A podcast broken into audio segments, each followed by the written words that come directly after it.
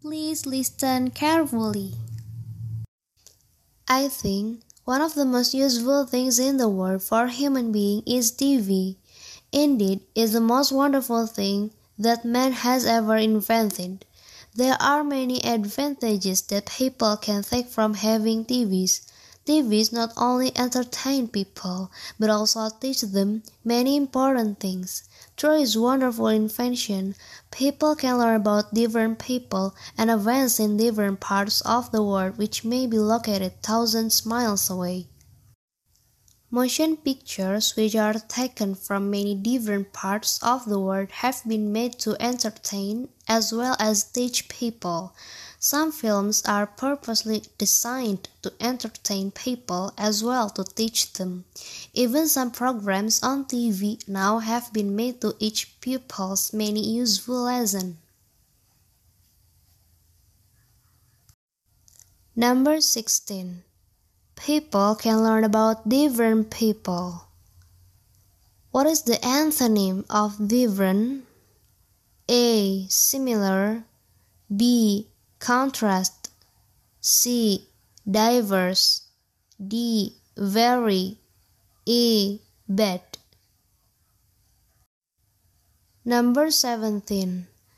What is explained in the second paragraph? A the writer's suggestion, B.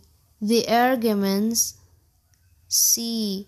The writer's reasons, D. The writer's reiteration, E. The writer's thesis. Number 18.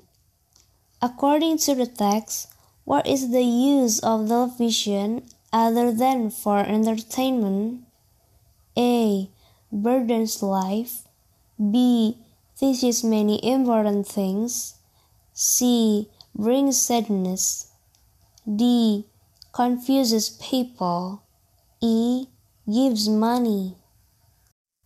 Number 19 which includes the linguistic features of analytical exposition text. A. Thinking verb.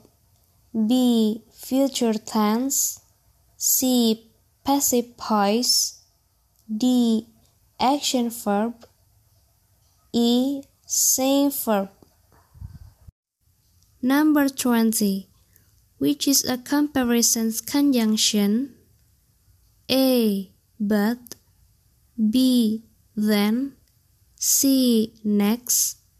D. Second. E. Thing.